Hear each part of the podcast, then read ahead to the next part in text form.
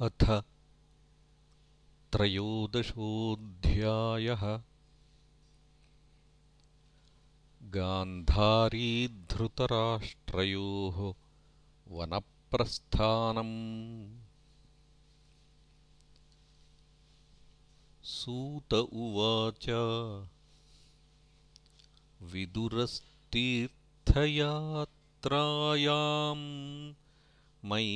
मैत्रेयादात्मनो गतिम् ज्ञात्वागाद्धास्तिनपुरम् तया वाप्तविवित्सितः। यावतः कृतवान् प्रश्नान्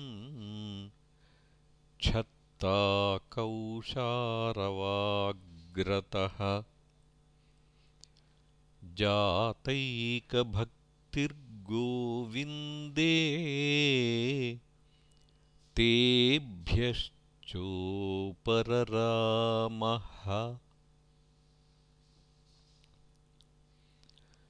तं बन्धुमागतं दृष्ट्वा धर्मपुत्रः सहानुजः धृतराष्ट्रो युयुत्सुश्च सूतः शारद्वतः पृथा। गान्धारी द्रौपदी ब्रह्मन् सुभद्रा चोत्तरा कृपी अन्याश्च जामयः पाण्डोर्ज्ञातयः ससुताः स्त्रियः। प्रत्युज्जग्मुः प्रहर्षेण प्राणं तन्व इवागतम् अभिसङ्गम्यविधिवत् परिष्वङ्गाभिवादनैः। मुमुचुः प्रेमबाष्पौघम् विरहौत्कण्ठ्यकातराः राजा तमर्हयां चक्रे कृतासनपरिग्रहम्।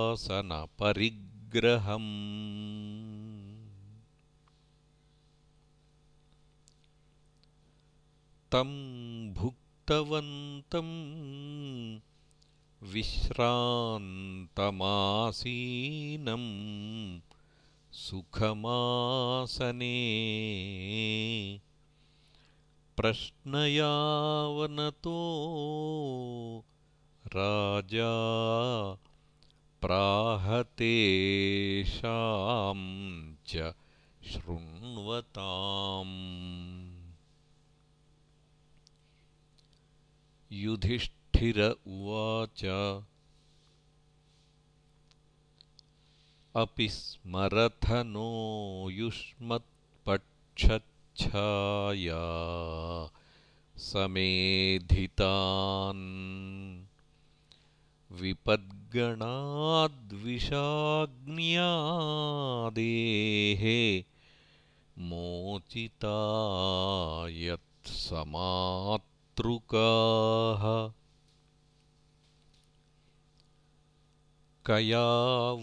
कयावृत्त्यावर्तितं वश्चरद्भिः क्षितिमण्डलम् तीर्थानि क्षेत्रमुख्यानि सेवितानीह भूतले भवद्विधा भागवताः तीर्थभूताः स्वयं विभो तीर्थीकुर्वन्ति तीर्थानि स्वान्तस्थेन गदाभृता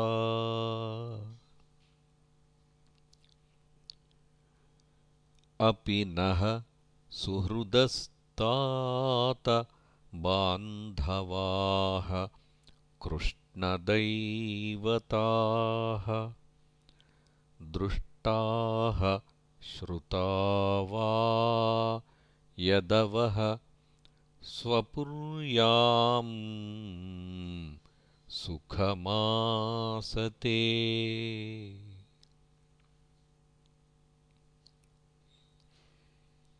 इत्युक्तो धर्मराजेन सर्वं तत्समवर्णयत् यथानुभूतं क्रमशो विना यदुकुलक्षयम्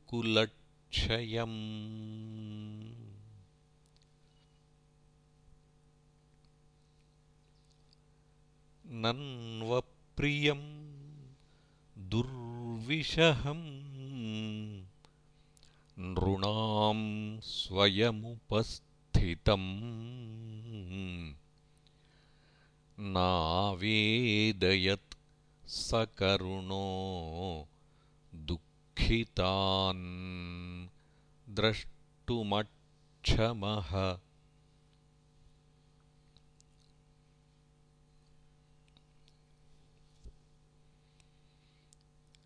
कञ्चित्कालमथावात्सीत् सत्कृतो देववत् सुखम्। भ्रातुर्ज्येष्ठस्य श्रेयस्कृत्। सर्वेषां प्रीतिमावहन्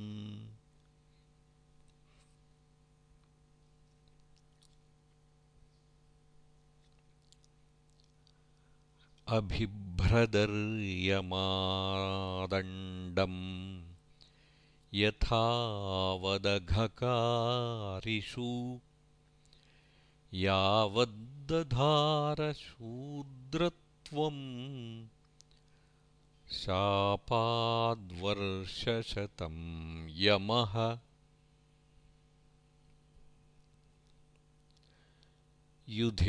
युधिष्ठिरो लब्धराज्यो दृष्ट्वा पौत्रं कुलं धरम् भ्रातृभिर्लोकपालाभैः मुमुदे परया श्रिया।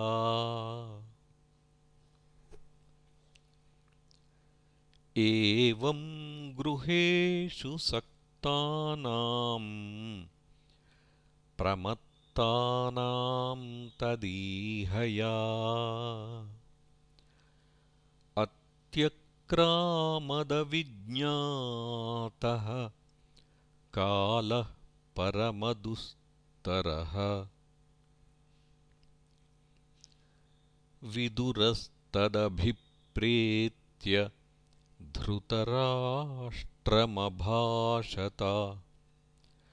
राजन्निर्गम्यतां शीघ्रम् पश्येदम् भयमागतम्।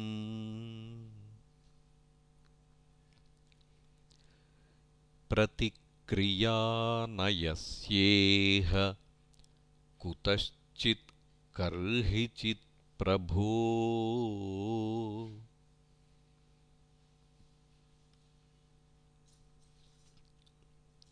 स एव भगवान् कालः सर्वेषां नः समागतः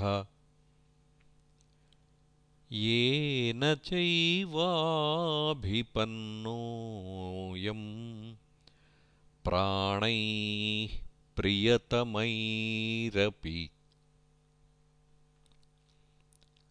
जनः सद्यो वियुज्येत किमुतान्यैर्धनादिभिः पितृभ्रातृसुहृत्पुत्रा हतास्ते विगतं वयः। आत्मा च जरयाग्रस्तः। परगेहमुपाससे अहो महीयसी जन्तोर्जीविताशा यया भवान्। भीमापवर्जितं पिण्डमादत्ते गृहपालवत् अग्निर्निसृष्टो दत्तश्च गरोदाराश्च दूषिताः। हृतं क्षेत्रं धनं येषाम्। तद्दत्तैरसुभिः कियत्? तस्यापि तव देहोऽयम् कृपणस्य जिजीविषोः परैत्यनिच्छतो जीर्णो जरया वाससी इव गतस्वार्थमिमं देहं विरक्तो मुक्तबन्धनः अविज्ञातगतिर्जह्यात् स वैधीर उदाहृतः।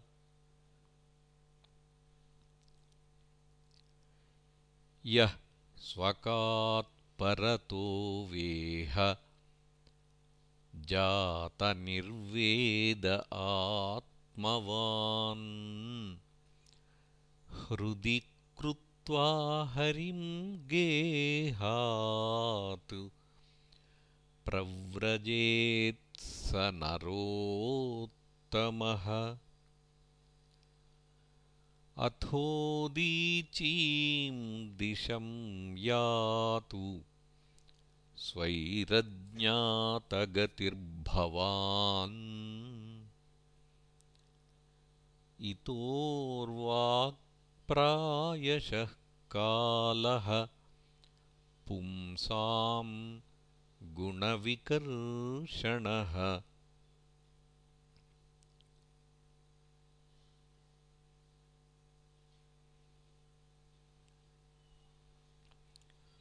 एवं राजा विदुरेणानुजेन प्रज्ञाच क्षुर्बोधित आजमीढः।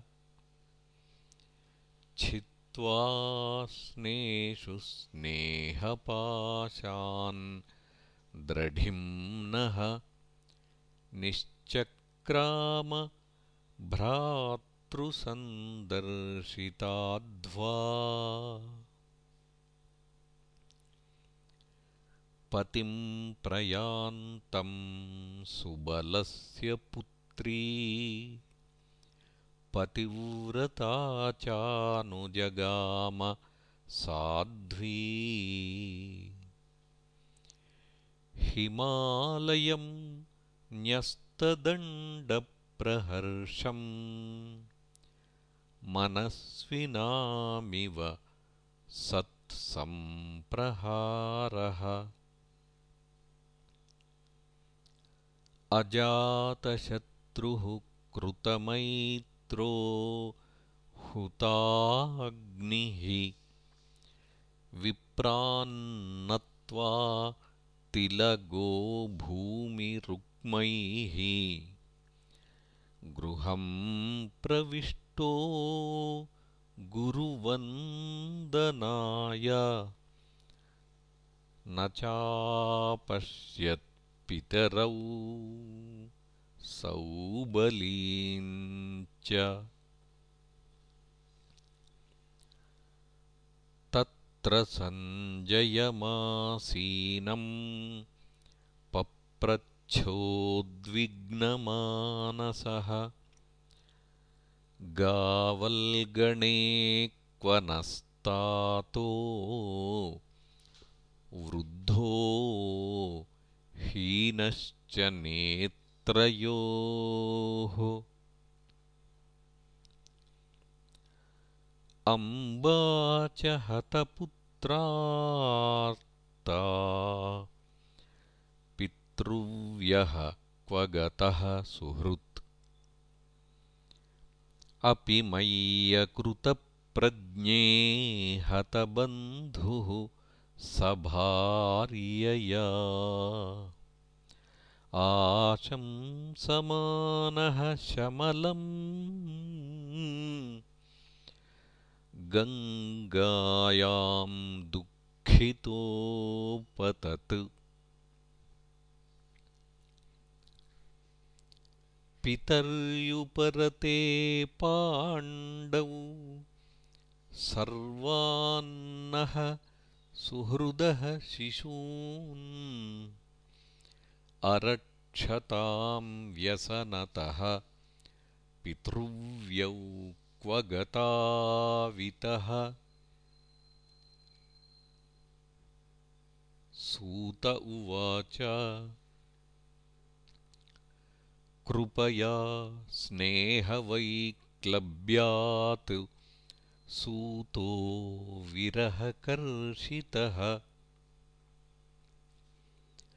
आत्मेश्वरमचक्षाणो न प्रत्याहातिपीडितः। विमृज्याश्रूणि पाणिभ्याम् विष्टभ्यात्मानमात्मना अजातशत्रुं प्रत्यूचे प्रभोः पादावनुस्मरन्।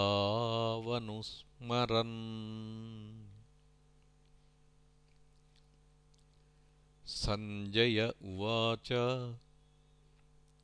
नाहं वेदव्यवसितम्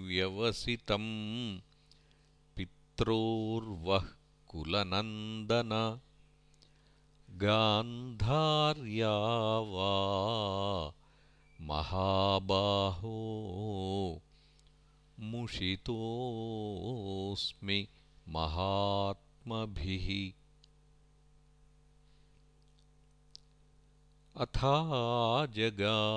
भगवान् नारदः सह तुम्बुरुः प्रत्युत्थायाभिवाद्याः सानुजोऽभ्यर्चयन्निव। युधिष्ठिर उवाच नाहं वेदगतिं पित्रोः। भगवन् क्व गतावितः अम्बा वा हतपुत्रार्ता। क्व गता च तपस्विनी।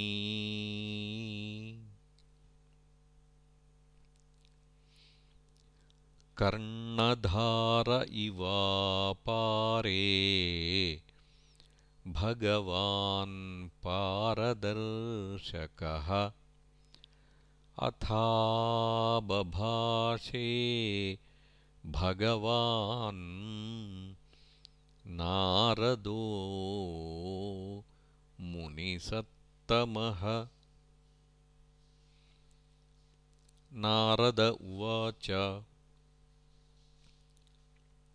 मा कञ्चन शुचो राजन् यदीश्वरवशं जगत्।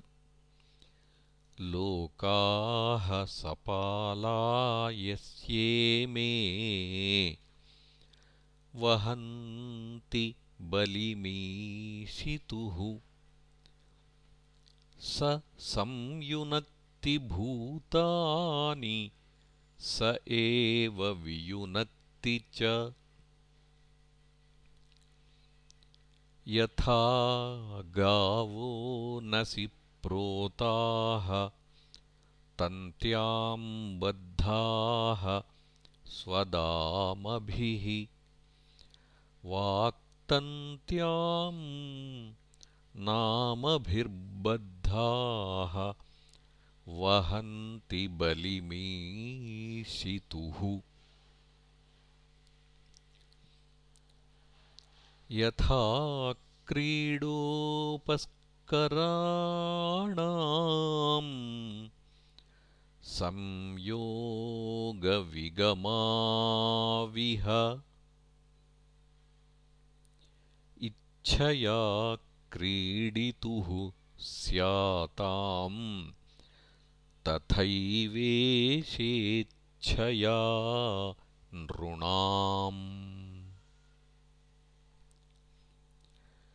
यन्मन्यसे ध्रुवम् लोकमध्रुवं वा न चोभयम्।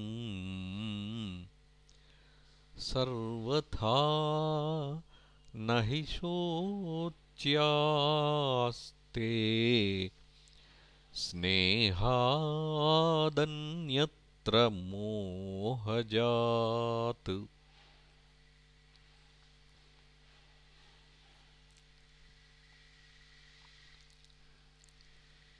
तस्माज्जह्यङ्गवैक्लव्यम् अज्ञानकृतमात्मनः कथं त्वनाथाः कृपणा? वर्तेरंस्ते च मां विना।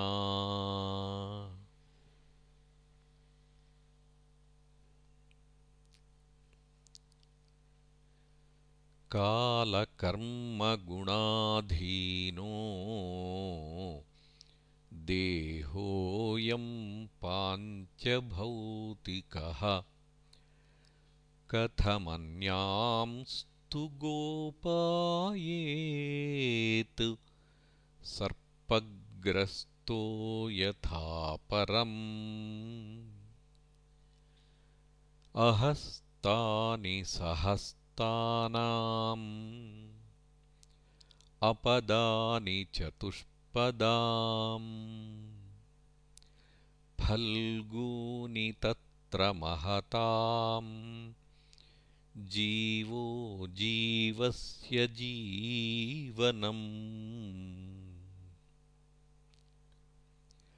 तदिदं भगवान् राजन्नेक आत्मात्मनां स्वदृक् अन्तरोऽनन्तरो भाति पश्यत्वं माययोरुधा।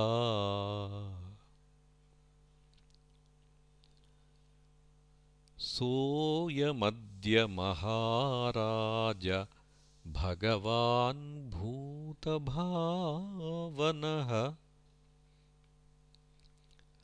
कालरूपोऽवतीर्णोऽस्याम् अभवाय सुरद्विषाम्।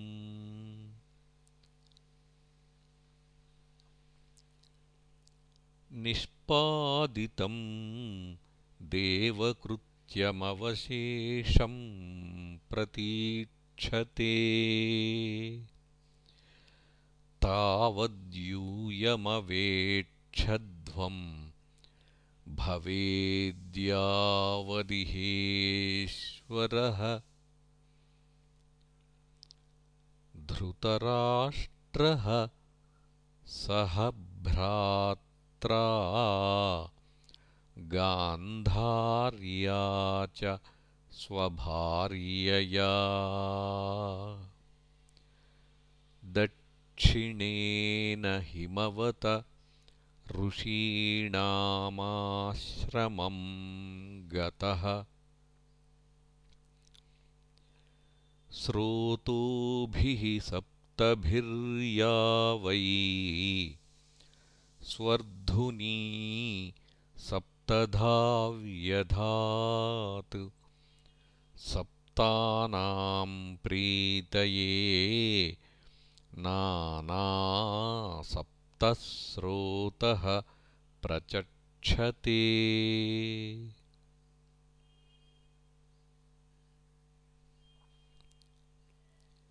स्नात्वानुसवनं तस्मिन् हुत्वा चाग्नीन् यथाविधि। अभक्ष उपशान्तात्मा स आस्ते विगतैषणः। जितासनो जितश्वासः प्रत्याहृतषडिन्द्रियः। हरिभावनया ध्वस्तरजःसत्त्वतमोमलः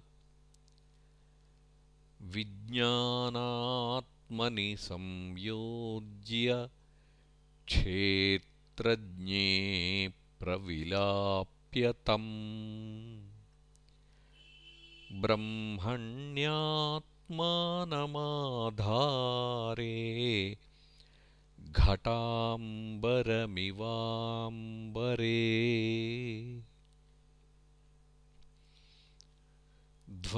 ध्वस्तमाया गुणोदर्को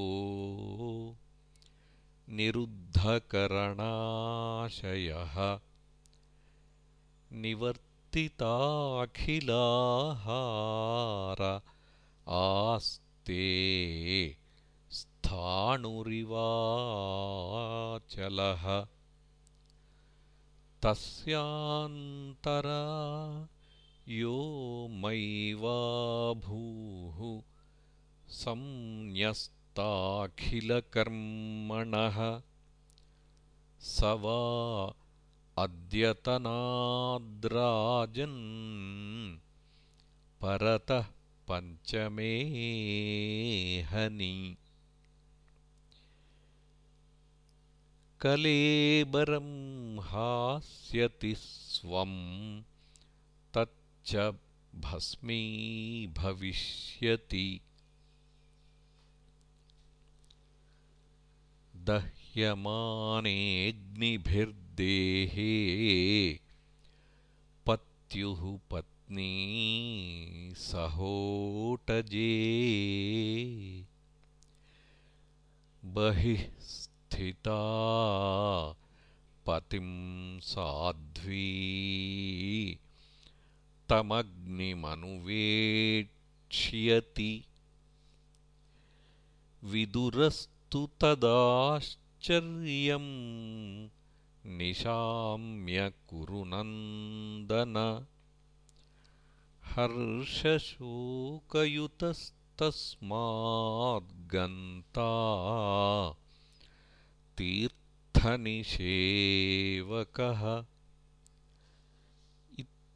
इत्युक्त्वाथारुहत् स्वर्गम् नारदः सह तुम्बुरुः।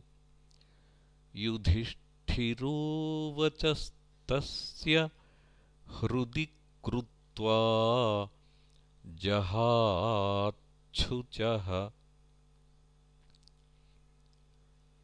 इति श्रीमद्भागवते महापुराणे पारमहंस्यां संहितायां प्रथमस्कन्धे त्रयोदशोऽध्यायः